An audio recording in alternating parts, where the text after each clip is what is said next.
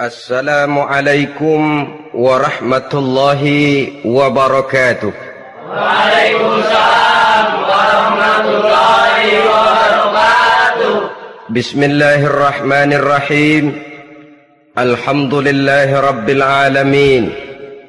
والصلاة والسلام على أشرف الأنبياء والمرسلين وعلى آله وأصحابه المجاهدين الطاهرين. أما بعد.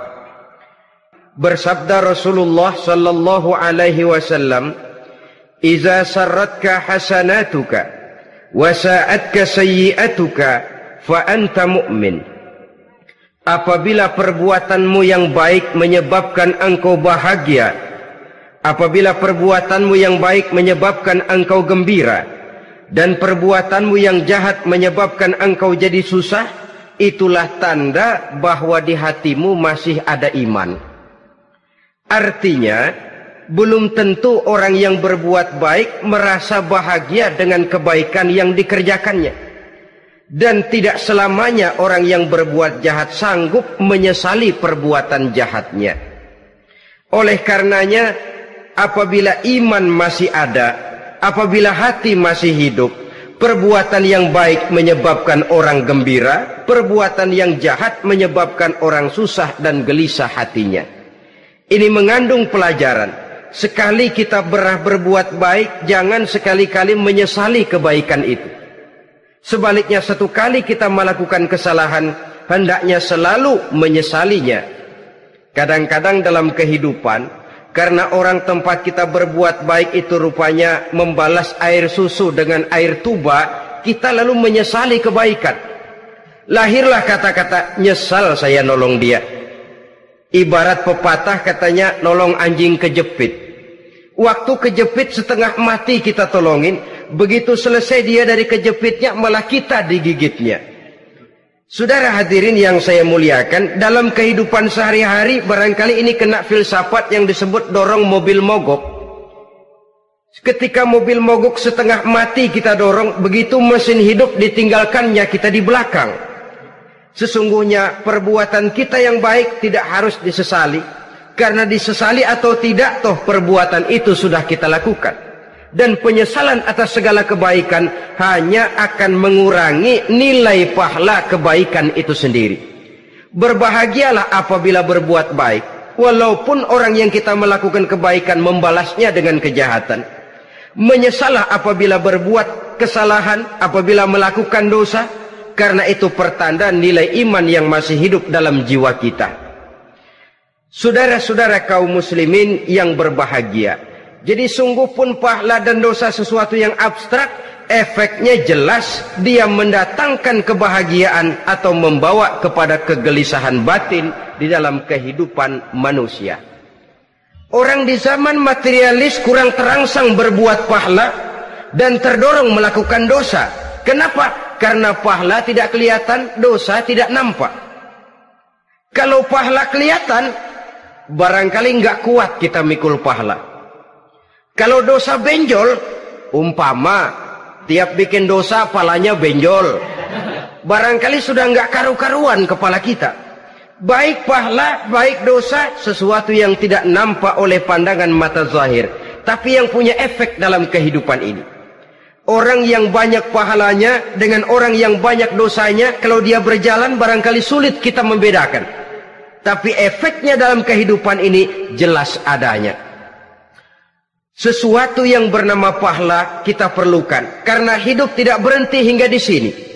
Sesuatu yang bernama dosa harus kita hindarkan. Karena ada kelanjutan sesudah hidup yang sekarang ini. Kehidupan dari satu pertanggungan jawab. Itu sebabnya Imam Ghazali dalam bahasa yang indah sekali berpesan jadi di safinah fa innal bahra amiq wa khuziz zad fa inna safara ba'id. Perbarui selalu kapalmu rawat jaga baik-baik dan dani kapalmu fa innal bahra amiq karena sesungguhnya lautan ini sangat dalam satu bahasa yang indah dari tamsil terhadap kehidupan. Perbaiki kapalmu karena lautan ini sangat dalam. Artinya, jaga baik-baik hatimu. Pelihara iman dan keyakinanmu karena hidup ini bagaikan gelombang lautan. Tempo-tempo air tenang, tempo-tempo ombak menggila dan menggunung. Jaga iman baik-baik karena hidup penuh dengan cobaan dan ujian. Itu maksudnya. Wa khuzizad fa inna safara ba'id. Dan bawa bekal yang banyak karena perjalanan hidup ini sangat panjang. Perjalanan ini sangat jauh. Kita kalau pergi keluar kota tentu saja membawa bekal. Makin jauh kota yang akan kita tuju, makin banyak bekal yang harus kita bawa. Alangkah sengsaranya manusia. Apabila dia akan pergi ke satu kota yang jauh, modalnya cuma nekat. Bagaimana nanti di sana sajalah tidak membawa bekal sebagaimana yang sewajarnya. Hal yang semacam ini senangnya sih belum tentu keblangsak dan susahnya sudah kebayang. Itu dalam kehidupan di dunia ini. Bagaimana kalau sudah bicara tentang kehidupan yang akan datang? Karena sesungguhnya hidup ini merupakan satu perjalanan yang sangat panjang. Sejak kita tinggal di alam arwah, pada saat jasad belum lagi diciptakan Allah, ruh sudah diciptakannya lebih dahulu. Sampai kemudian kita pindah ke alam rahim, alam kandungan ibu. Untuk kemudian berpindah kepada kehidupan dunia. Dari dunia ini kita pindah ke alam barzah. Di sana tinggal kita seratus tahun mungkin, seratus ribu tahun mungkin, satu juta tahun mungkin, menunggu saat datangnya kiamat. Lalu dari alam barzah pindah kita ke alam akhirat. Satu perjalanan yang sangat panjang. Alangkah malangnya. Alangkah sengsaranya. Jika tahu kita begitu panjangnya perjalanan hidup ini. Tidak ada bekal yang kita bawa. Artinya kesengsaraan, kesulitan yang bertali-tali sudah jelas akan menimpa kita. Kalau pergi kita keluar kota membawa bekal, uang, membawa bekal makanan, apa bekal yang mesti kita bawa apabila kita kembali ke alam barzah, kembali ke alam kubur, berkumpul di padang mahsyar di akhirat nanti? Nasi yang mau kita bawa, uang yang mau kita bawa, tentu tidak lagi. Karena kehidupan materialis selesai di atas liang lahat. Bisa bila masuk kita ke liang lahat, di situlah pahala dan dosa memegang peranan yang sangat penting. Maka pada pertemuan malam ini kita akan bicara tentang pahala dan dosa itu. Saudara-saudara kaum muslimin rahimakumullah.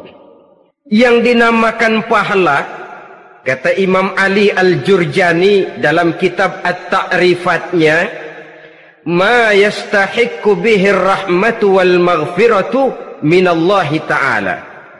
Sesuatu yang pelaksananya berhak untuk mendapat rahmah dan ampunan dari Allah. Dengan kata lain, nilai pahala adalah akibat dari perbuatan-perbuatan di dalam melaksanakan perintah dan anjuran yang ada di dalam kehidupan agama. Apabila perintah dan anjuran kita laksanakan, nilai pahala itu lalu datang. Nah, nilai pahala dalam Islam, menurut konsepsi Quran, Allah menjelaskan, Man bil hasanati falahu asyru amthaliha. Barang siapa yang datang membawa satu kebajikan, barang siapa yang melaksanakan satu kebaikan, maka dia akan mendapat balasan sepuluh kali dari kebaikan yang dikerjakannya. Sepuluh kali ini pun masih dilipat gandakan dengan tujuh. Tujuh ini pun masih dikalikan seratus. Dan itu pun masih ditambah dengan pernyataan. Wallahu yudha'ifu yasha. Allah masih akan melipat gandakan perbuatan baik seseorang yang dikehendakinya. Itulah nikmatnya dalam Islam. Tetapi sebaliknya. Ja'a bisayyi'ati fala yujza illa barang siapa yang melakukan satu kejahatan dia tidak akan mendapat balasan kecuali sesuai dengan kejahatan yang dikerjakannya alangkah rahman dan rahimnya Allah Orang yang berbuat baik dibalas sepuluh, dikali tujuh, dikali seratus, masih dilipat gandakan pula. Tapi orang yang berbuat jahat tidak akan mendapat balasan kecuali sesuai dengan kejahatan yang dikerjakannya. Ini kan beda dengan sifat kita manusia. Kita ini kadang-kadang kalau dijitak membalasnya mukul. Tapi kalau orang berbuat baik kepada kita, kita enggan untuk berbuat baik kepada orang tadi. Allah tidak mengajarkan begitu. Satu kebaikan berbalas sepuluh. Satu kejahatan berbalas dengan satu kejahatan. Maha Rahman dan Rahim Allah. Bahkan dalam Islam, niat berbuat baik saja mendapat pahala. Sedangkan niat berbuat jahat belum ditulis merupakan satu dosa sampai kejahatan itu dikerjakan oleh orang yang niat tadi. Umpamanya, saudara niat nanti malam giliran pengajian saya mau hadir ah di majelis taklim. Pas datang waktu malam hujan turun sangat lebat. Saudara berhalangan datang ke majelis taklim, saudara sudah mendapat pahala pahala niat. Tapi saudara niat nanti malam kalau turun hujan saya mau bongkar rumahnya si Fulan, saya mau curi seluruh harta bendanya. Ternyata malam saudara tidak mengerjakan perbuatan itu. Itu belum ditulis dosa sampai perbuatan itu benar-benar dikerjakan. Tapi lalu jangan macam-macam kalau begitu niat aja yang baik biar nggak usah dikerjain. Niat aja pengen ngaji walaupun tidak ada niatan untuk ngaji. Allah lebih tahu tentang apa yang terdetik di dalam hati sanubari kita. Itulah sebabnya sangat dianjurkan orang untuk melakukan segala macam kebajikan dan dianjurkan orang melakukan menjauhkan segala macam bentuk kejahatan karena dia akan berefek melahirkan dosa dan pahala. Dosa dan pahala itulah alat untuk memperoleh kebahagiaan di alam kubur, di padang mahsyar, sampai di akhirat nanti. Di dunia ini mungkin segalanya bisa kita beli dengan yang namanya uang. Keamanan kita bisa menyewa petugas untuk menjaga rumah kita. Kendaraan yang mewah bisa kita beli. Udara yang sejuk bisa kita ciptakan. Siapa banyak uang dia raja. Mungkin itu di dunia. Tapi bisa apa uang kalau kita sudah masuk ke alam kubur? Bisakah munkar nakir kita sogok? Udah karkir, jangan nanya nih, cepet. Bilasakah malaikat azab menyingkir dengan uang semir? Ternyata tidak. Untuk memperoleh kebahagiaan di sana, nilai pahala. Kesengsaraan akan kita dapat kalau kita banyak menumpuk dosa. Oleh karena itu jangan beranggapan, ah pahala nggak kelihatan, dosa juga nggak kelihatan, biarin saja. Yang tidak kelihatan ini pada waktunya akan memegang peranan yang sangat penting. Tapi tidak cuma untuk menghadapi hidup di situ, kita lalu harus berbuat baik dan meninggalkan yang jahat. Terutama juga di dunia ini. Toh pepatah bilang gajah mati meninggalkan gading, harimau mati meninggalkan belang. Apa yang akan kita tinggalkan setelah kita mati? Kita ingin jasad kita boleh hancur terkubur tanah. Tapi nama kita ingin hidup terus. Dikenang orang seratus, seribu, bahkan sejuta tahun yang akan datang. Ditulis orang dengan tinta emas dalam sejarah. Tercatat kita sebagai orang baik-baik. Saudara-saudara kaum muslimin rahimakumullah. Lalu perbuatan apa yang bisa mendatangkan pahala itu? Saudara-saudara, semua perbuatan yang diperintah dan dianjurkan oleh Allah yang dikerjakan dengan ikhlas hanya untuk mencapai ridho Allah mendatangkan pahala. Kadang-kadang menurut pendapat kita remeh, tapi nilainya di sisi Allah besar. Itu pahala. Menghitung pahala itu itu hak prerogatif Allah. Perbuatan yang ringan Allah mau berikan ganjaran yang besar itu urusan Allah. Misalnya Kata Nabi, La tahkiranna minal ma'rufi syai'an. Jangan kamu menganggap remeh perbuatan baik walaupun kecil. Jangan merasa sulit melakukan perbuatan yang mengandung pahala. Bertemu dengan bertemu dengan teman, muka kita cerah, berpahala.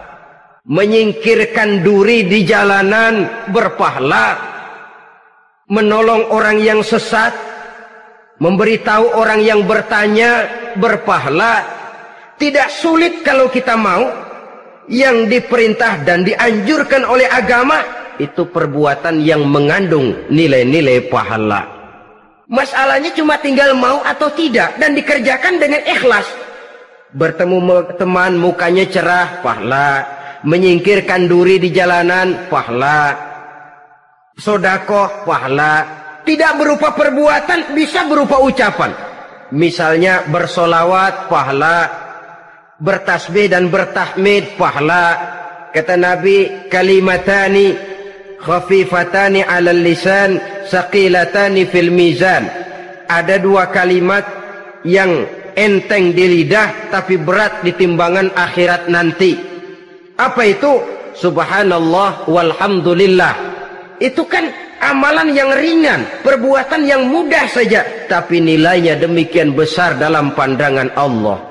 Jadi pendeknya, perbuatan yang bernilai pahala adalah perintah dan anjuran agama yang dilaksanakan dengan ikhlas semata-mata untuk mencapai ridho Allah itu mengandung pahala. Niat dasarnya itu harus karena Allah. Landasannya harus karena ikhlas.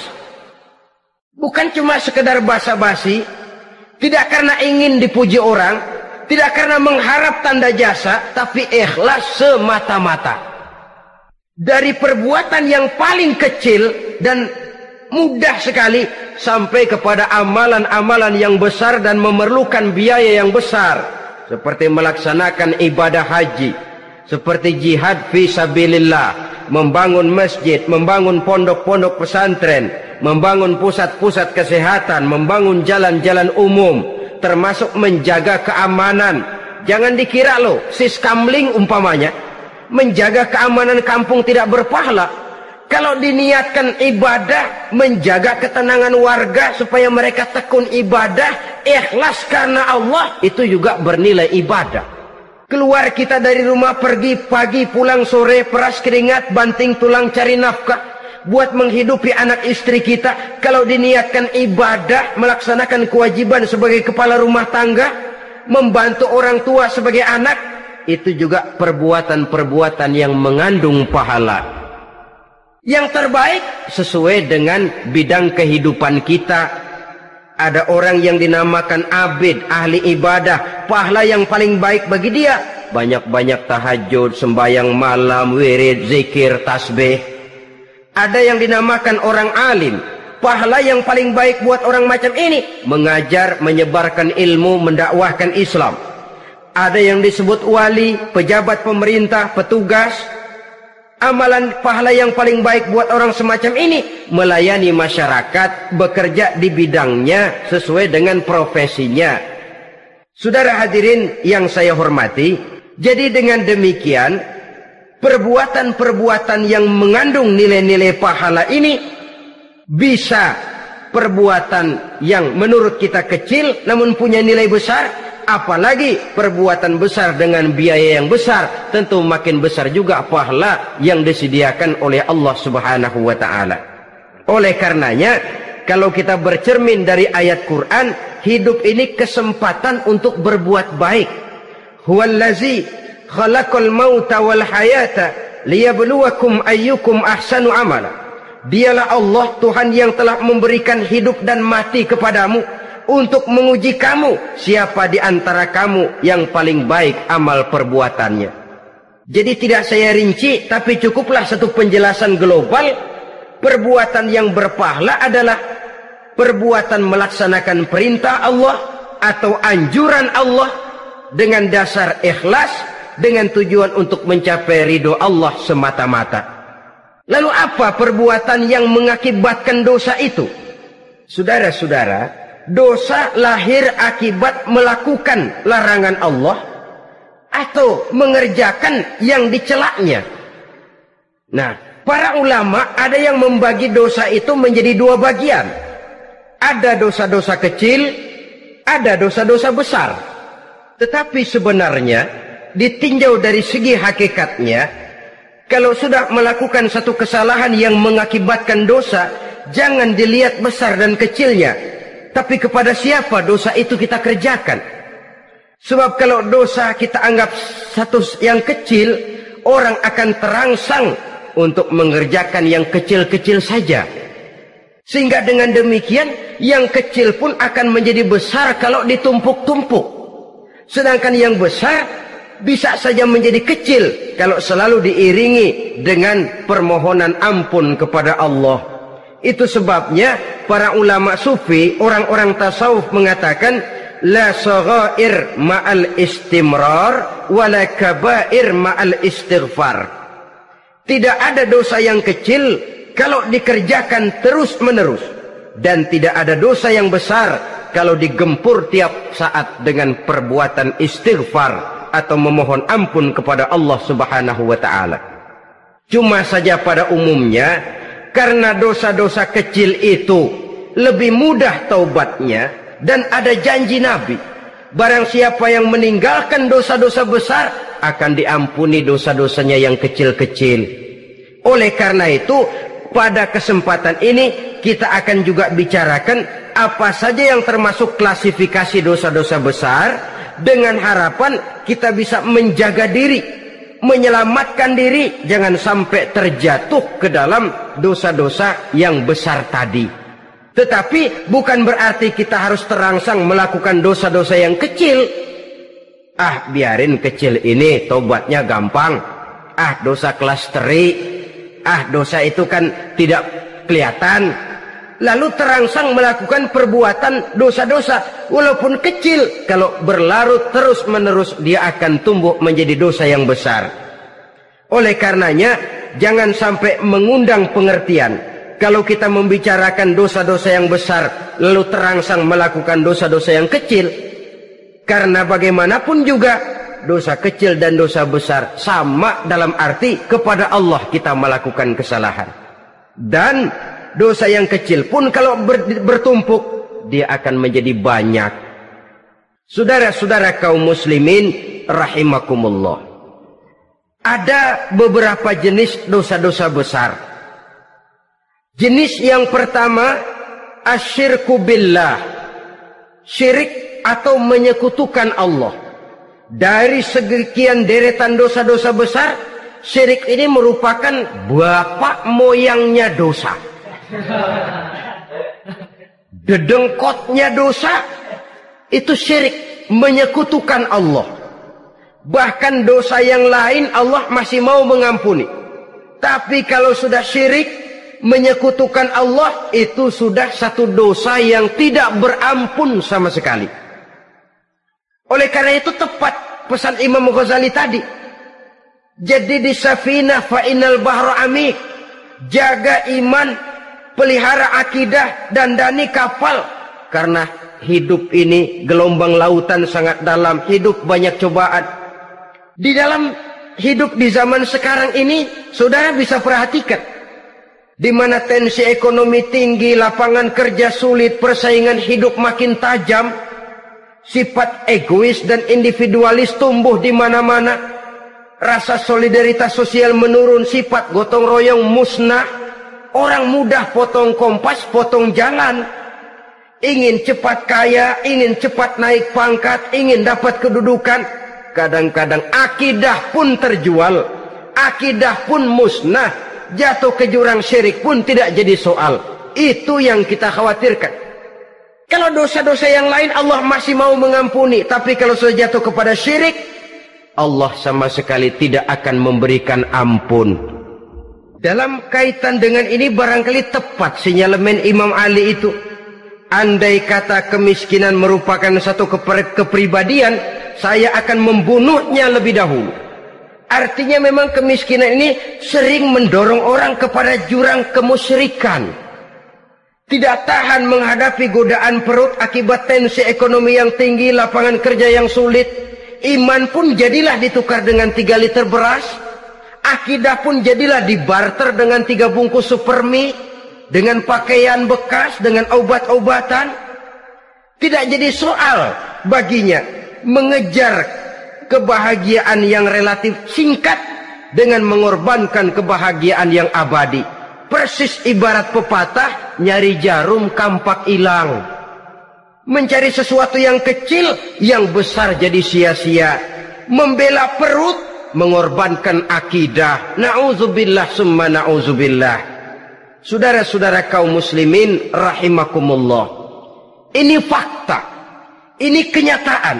Dan hal semacam ini tidak bisa diatasi cuma dengan ceramah, simposium, diskusi, seminar. Apalagi Nabi berpesan, Solahu ummati bil ilmi wal mal. Umatku hanya bisa menjadi baik, baik akidahnya dengan ilmu dan harta. Itu bahasa Nabi. Kalau bahasa kita sekarang, dengan ekonomi dan pendidikan. Ilmu, pendidikan, ekonomi, harta. Tanpa itu sangat besar kemungkinan kita bisa menjual akidah terjerumus di lembah kemusyrikan. Maka terutama kepada saudara-saudara saya muslimin muslimin yang terpencil jauh dari kota-kota besar yang kadang dalam kehidupan seharinya imannya sering digoda oleh supermi akidahnya sering ditantang oleh pembagian beras pakaian-pakaian bekas, obat-obatan dan sebagainya. Jaga dan bentengi akidah kita.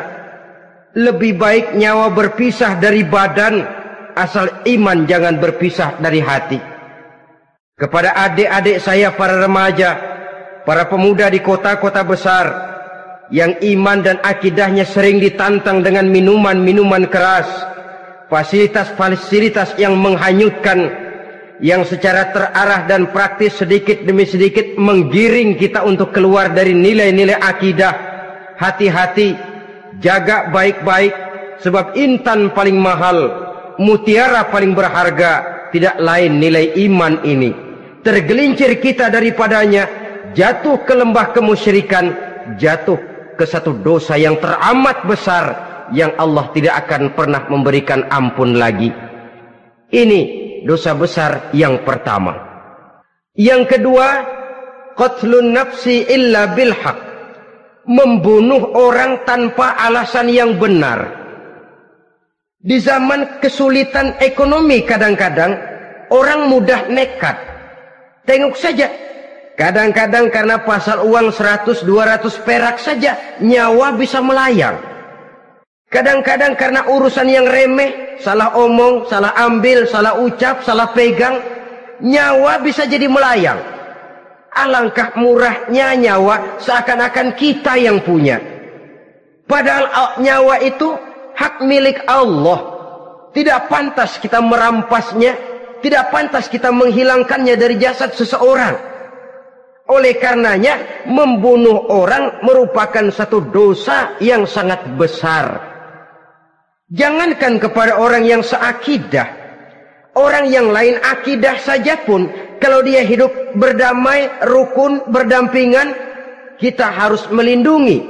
Apatah lagi teman seakidah sendiri.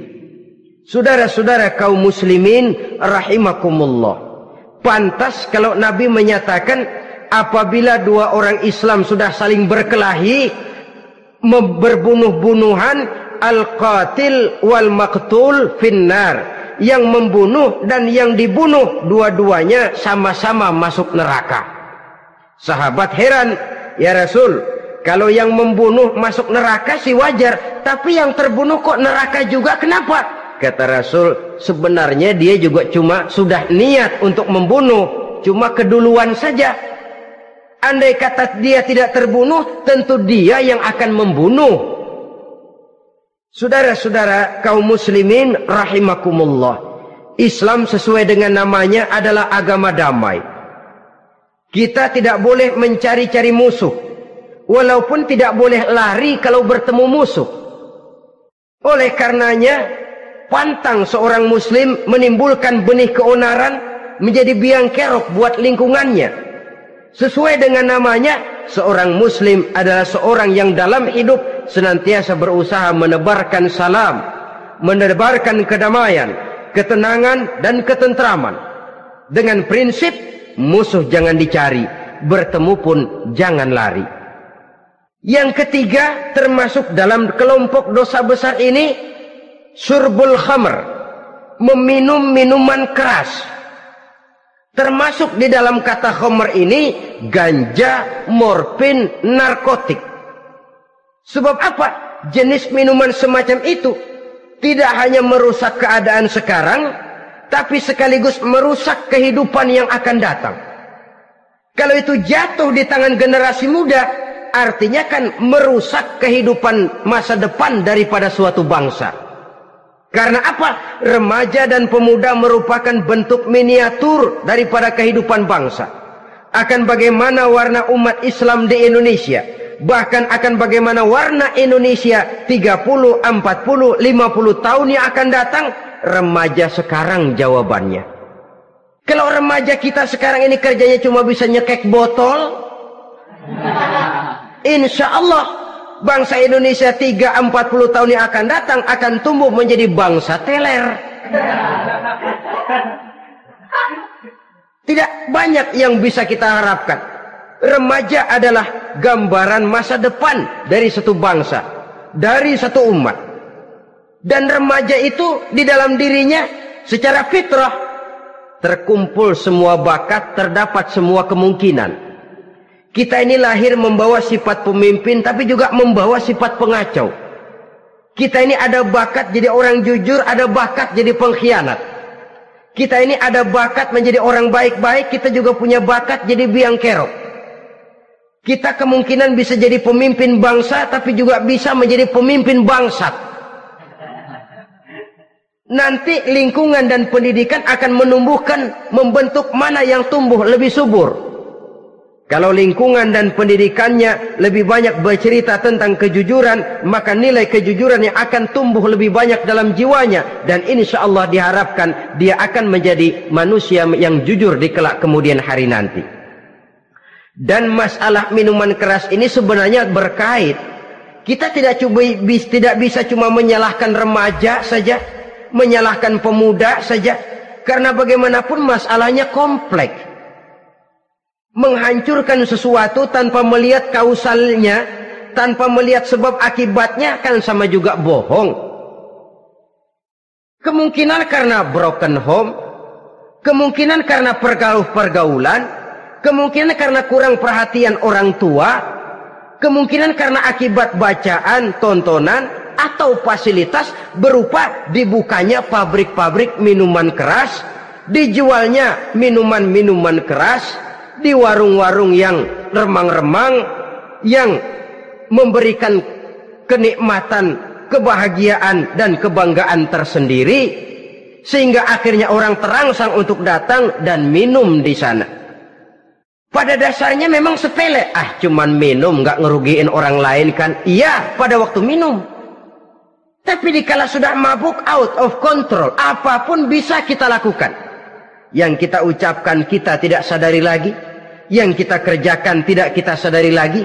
Dikala itu segala macam kejahatan bukan sesuatu yang tidak mungkin untuk kita laksanakan. Ah, nggak ngerugiin orang lain. Memang pada saat mau minum. Tapi begitu minum, mabuk, kita bisa merugikan orang lain. Setidaknya merugikan diri sendiri. Pertumbuhan IQ menjadi lemah. Semangat kehidupan hilang. Gairah kerja menurun kalau tidak tidak ada sama sekali Lalu apa? Apa yang bisa kita lakukan di dalam kehidupan? Dan akan lebih celaka kalau ini menimpa kehidupan generasi muda kita. Kadang-kadang yang ironi ya kalau yang orang tuanya mampu barangkali masih tertolong. Tapi yang orang tuanya kondisi ekonomi lemah masih kepengen teler juga. Orang tuanya nggak mampu masih pengen mabuk. Dari ganja, morfin nggak dapat akhirnya kaleng cat diisepin. Yang penting kan bisa teler. Mendatangkan satu kebahagiaan tersendiri. Itu sebabnya memang satu kejahatan menurut teori polisi ya hanya bisa terjadi karena faktor N dan K. Niat dan kesempatan. Niat ada, kesempatan ada, jadi orang jahat. Kurang salah satunya, biasanya kejahatan terbendung. Niat ada, kesempatan tidak ada, sulit berbuat jahat. Kesempatan ada, niat tidak ada. Tidak mungkin orang jahat. Tapi yang paling dominan sebenarnya niat. Kalau niat sudah kuat, kesempatan bisa dicari. kesempatan bisa diciptakan, biar Hansip nongkrong, ditungguin lengahnya. Iya biarin, jam 11 sampai jam 2, matanya melotot, jam 3 dia mulai ngulet, ngempet. Nah, di saat itu saya masuk ke rumahnya. Kalau niat kuat, kesempatan bisa diciptakan. Dan kalau sudah niat, ini masalah hati.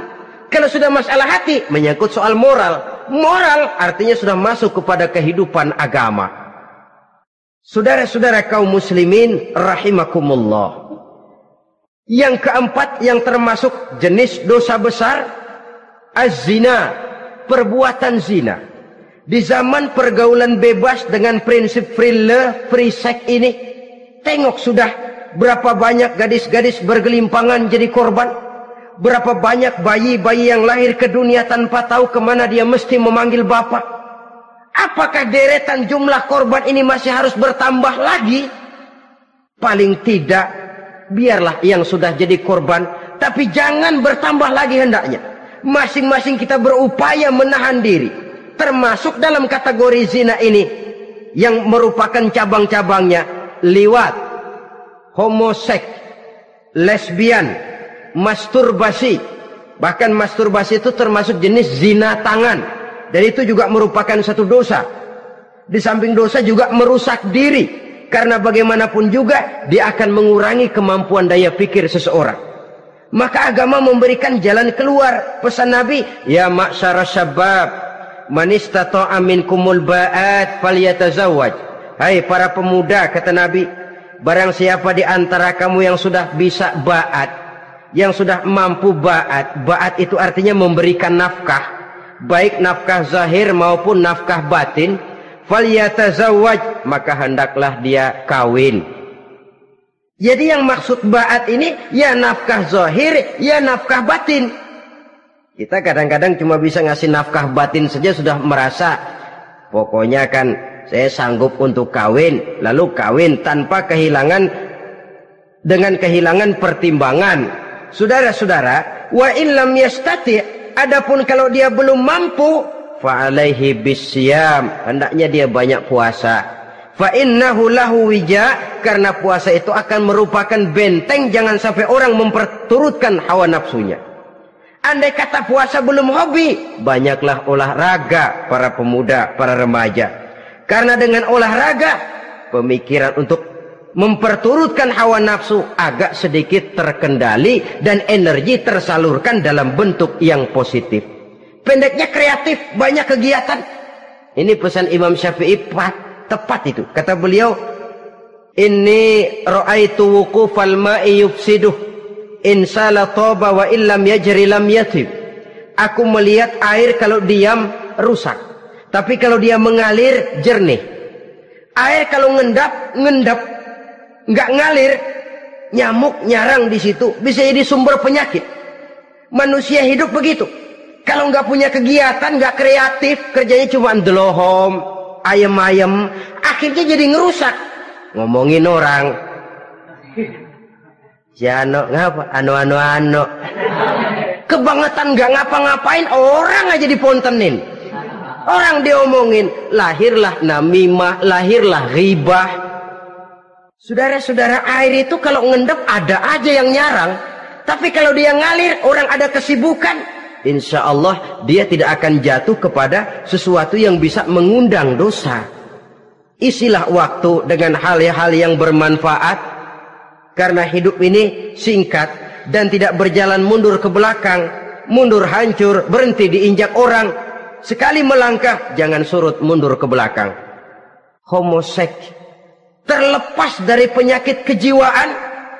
Sekarang ini kan sudah ada persatuan kaum gay katanya. Meminta perlakuan yang sama dan agar dibolehkan kawin sesama mereka. Secara manusiawi boleh, secara manusiawi kita hargai mereka. Tapi dari kacamata agama ini jelas merupakan penyimpangan. Dan penyimpangan merupakan suatu dosa. Terlepas dari pertimbangan manusiawi. Jangan karena terlalu memperturutkan suara manusiawi lalu kita mengesampingkan agama. Termasuk lesbian, wadon karo wadon. kalau homo itu kan lanang karo lanang katanya. Saudara-saudara kaum muslimin rahimakumullah. Ini bukan penyakit baru. Liwat homoseks sudah dikenal dari zamannya Nabi Lot. Laki dengan laki. Lesbian dari zaman istrinya Nabi Lot. Terlepas dari penyakit kejiwaan, dari segi agama, ini merupakan penyimpangan dan merupakan dosa yang besar.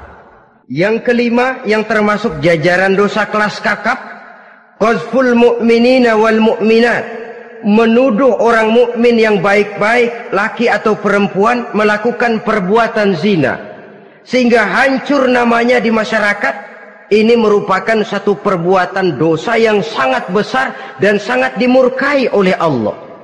Saudara-saudara kaum muslimin rahimakumullah. Oleh sebab itu ditentang masalah ini kalau memang tidak ada saksi jangan sembarang kita enteng lidah menuduh orang lain berbuat zina, menuduh orang lain berbuat serong, dosanya kelewat besar di dalam kehidupan. Karena apa? Mencari harga diri itu berat. Memelihara kehormatan diri jauh lebih berat. Satu kali orang dihancurkan namanya di masyarakat, dia akan terisolir jadinya. Oleh karenanya, berlindung kita kepada Allah, jangan sampailah dihinggapi oleh sifat ini. Karena sentimen kita kepada seseorang, karena hasad kita kepada seseorang, tidak senang melihat orang lain lebih maju, lalu lidah ini seenaknya saja mengucapkan kata. Padahal sanksi dan resikonya sangat besar. Yang kita tuduh barangkali mendapat pahala dari Allah. Kita sendiri yang menuduh tanpa saksi, tanpa alasan yang benar. Mendapat dosa yang sangat besar. Saudara-saudara, memang kadang-kadang aneh dalam hidup ini. Seorang pelacur biasanya bisa menjaga mulutnya di masyarakat. Kata-katanya baik, sopan, Kenapa? Karena mulut yang satu sudah tidak terjaga.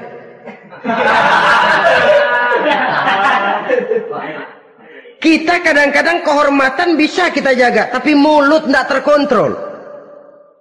Ngomong naik dewe, bikin orang mangkel, kesal, fitnah sana, fitnah sini, menghancurkan nama baik orang, ngomongin yang macam-macam.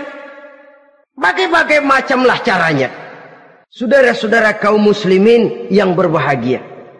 Jadi dengan demikian menuduh orang lain berbuat zina sedangkan orang itu tidak pernah melakukannya ini termasuk satu dosa yang sangat besar di dalam kehidupan ini. Yang keenam al-aku bil walidain durhaka kepada ibu bapak. Seorang anak Bagaimanapun banyak nilai ibadahnya, banyak kebaikan di masyarakat, menyandang berbagai macam gelar, pangkat dan jabatannya tinggi. Tapi kalau sudah durhaka kepada kedua orang tuanya, alamat hidup tidak lagi membawa keberkahan. Dan itu dosa yang sangat besar. Sampai Nabi sabdakan, Ridho Allah ada di dalam keridoan ibu bapak. Murka Allah pun ada di dalam kemurkaan ibu dan bapak.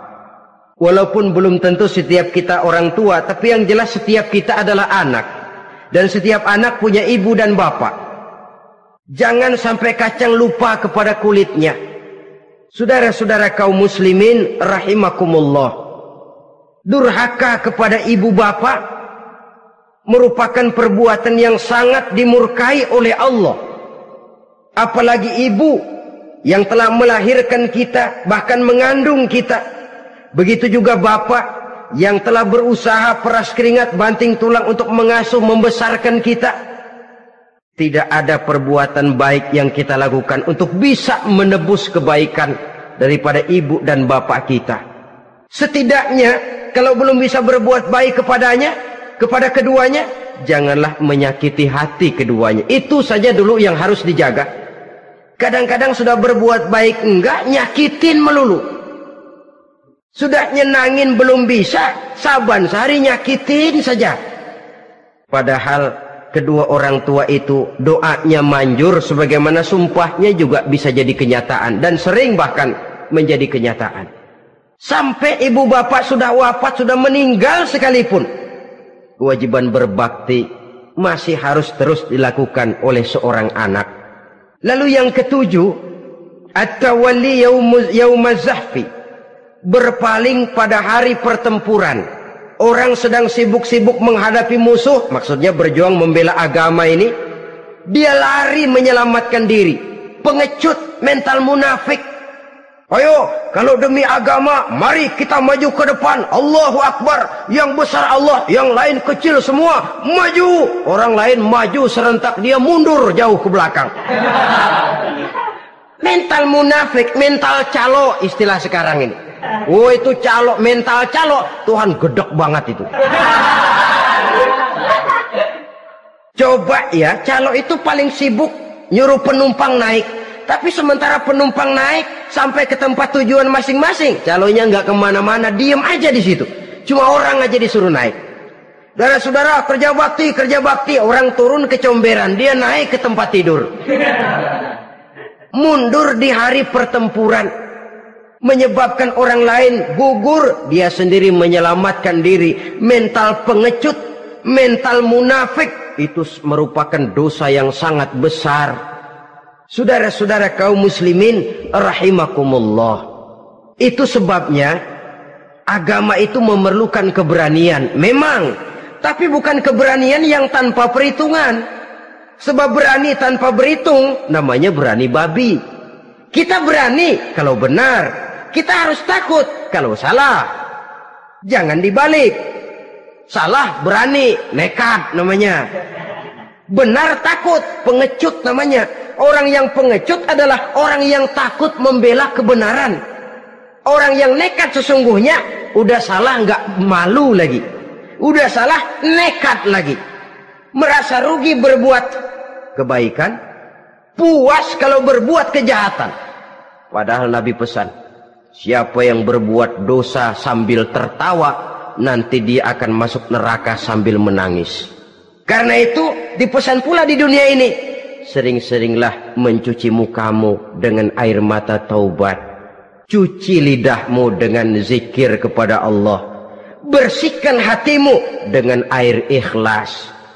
Saudara-saudara kaum muslimin rahimakumullah. Kan ada toh orang berbuat baik nggak gembira. Tapi berbuat jahat malah puas. Atau sama saja orang lain berbuat baik hatinya kesel Orang lain berbuat jahat, dia malah mendukung. Atau orang lain tergelincir berbuat jahat, dia malah girang. Ini kan tidak objektif. Karena yang berbuat baik orang yang dia keselin, dia nggak seneng. Tetapi karena yang berbuat jahat orang yang dia senengin, dibenerin juga. Itu nggak objektif namanya. Mundur di hari pertempuran pada saat saudara-saudara kita sedang menghadapi musuh, sikap pengecut yang sangat dibenci Allah. Yang kedelapan termasuk kelompok dosa besar aklu malil yatim makan harta anak yatim. Kadang-kadang ada orang mengeksploitir loh nasib anak-anak yatim. Karena biasanya para dermawan peka kalau mendengar nasib yatim memberikan santunan. Si yatim belum makan yang ngurusin udah pada kenyang. Mengeksploitir memakan harta anak yatim termasuk dosa yang sangat besar. Sehingga Nabi pesan ana wa kafilul yatim kahataini yaumal qiyamah. Aku dan orang yang menyantuni anak yatim seperti dua jari ini di hari kiamat. Rumah yang paling dimuliakan Allah adalah rumah yang di dalamnya ada anak yatim yang hidupnya dihormati. Hidupnya disantuni, keperluannya dicukupi. Maaf saja, tahap kita menyantuni anak yatim ini baru tahap setahun sekali. Kalau Muharram kita agungkanlah, kita besarkan. Lebaran yatim katanya. Kita kumpulkan dana, kita usap kepala yatim, kita kumpulkan beras. Kita bagikan hari itu. Perkara bulan depan kelaparan, kita tutup kuping. Perkara bulan berikutnya dia kelaparan, kita masa bodoh. Bahwa di bulan Muharram kita santuni yatim piatu itu sudah baik. Tapi akan lebih baik lagi kalau kita sanggup menjadi bapak asuh mereka, memikirkan sekolah mereka ada kontinuitas. Kalau mereka diasuh oleh orang lain, lalu bertukar agamanya, berpindah akidahnya, kita ngomel habis-habisan. Tapi kita ada kemampuan, kita tidak mau berbuat semacam itu. Ya sama juga bohong namanya. Saudara-saudara kaum muslimin rahimakumullah. Orang yang menyantuni yatim mendapat pahala besar. Tapi orang yang mengkorup harta anak yatim, dosanya juga sangat besar. Berhati-hatilah kalau kita diberikan kepercayaan oleh masyarakat untuk mengurus anak-anak yatim. Karena pahalanya besar, resikonya juga besar. Yang kesembilan, syahadatuz zur, sumpah palsu. Sebab sumpah palsu ini menggunakan nama Allah untuk sesuatu yang tidak benar. Nama kita saja dibawa untuk yang tidak benar kita jengkel. Nama kita dipalsukan untuk sesuatu yang tidak baik. Kita kadang-kadang jengkel, tidak puas jengkel, menuntut melalui saluran hukum. Kenapa? Nama saya dicatut.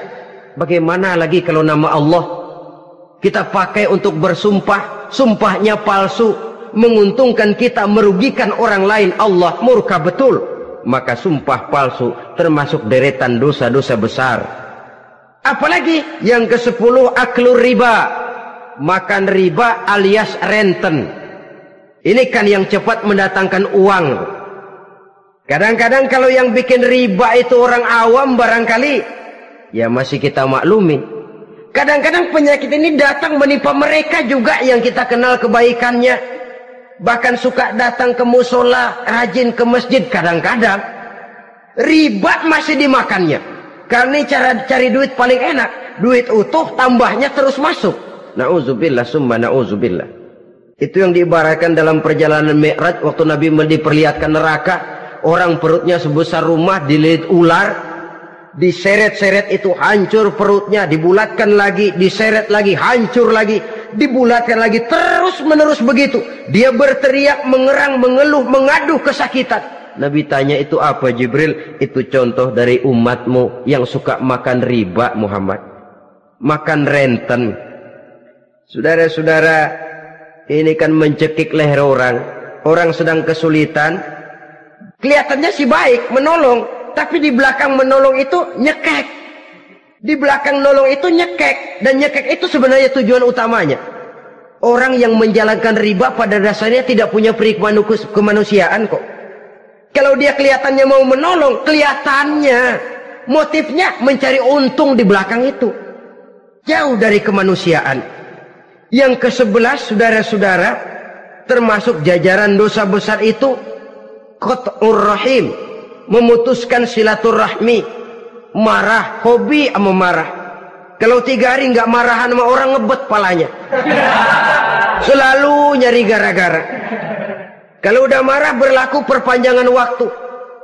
Tahun dua tahun kadang-kadang seumur hidup. Saudara hadirin yang saya muliakan. Apalagi mengurangi timbangan termasuk kelas dosa besar.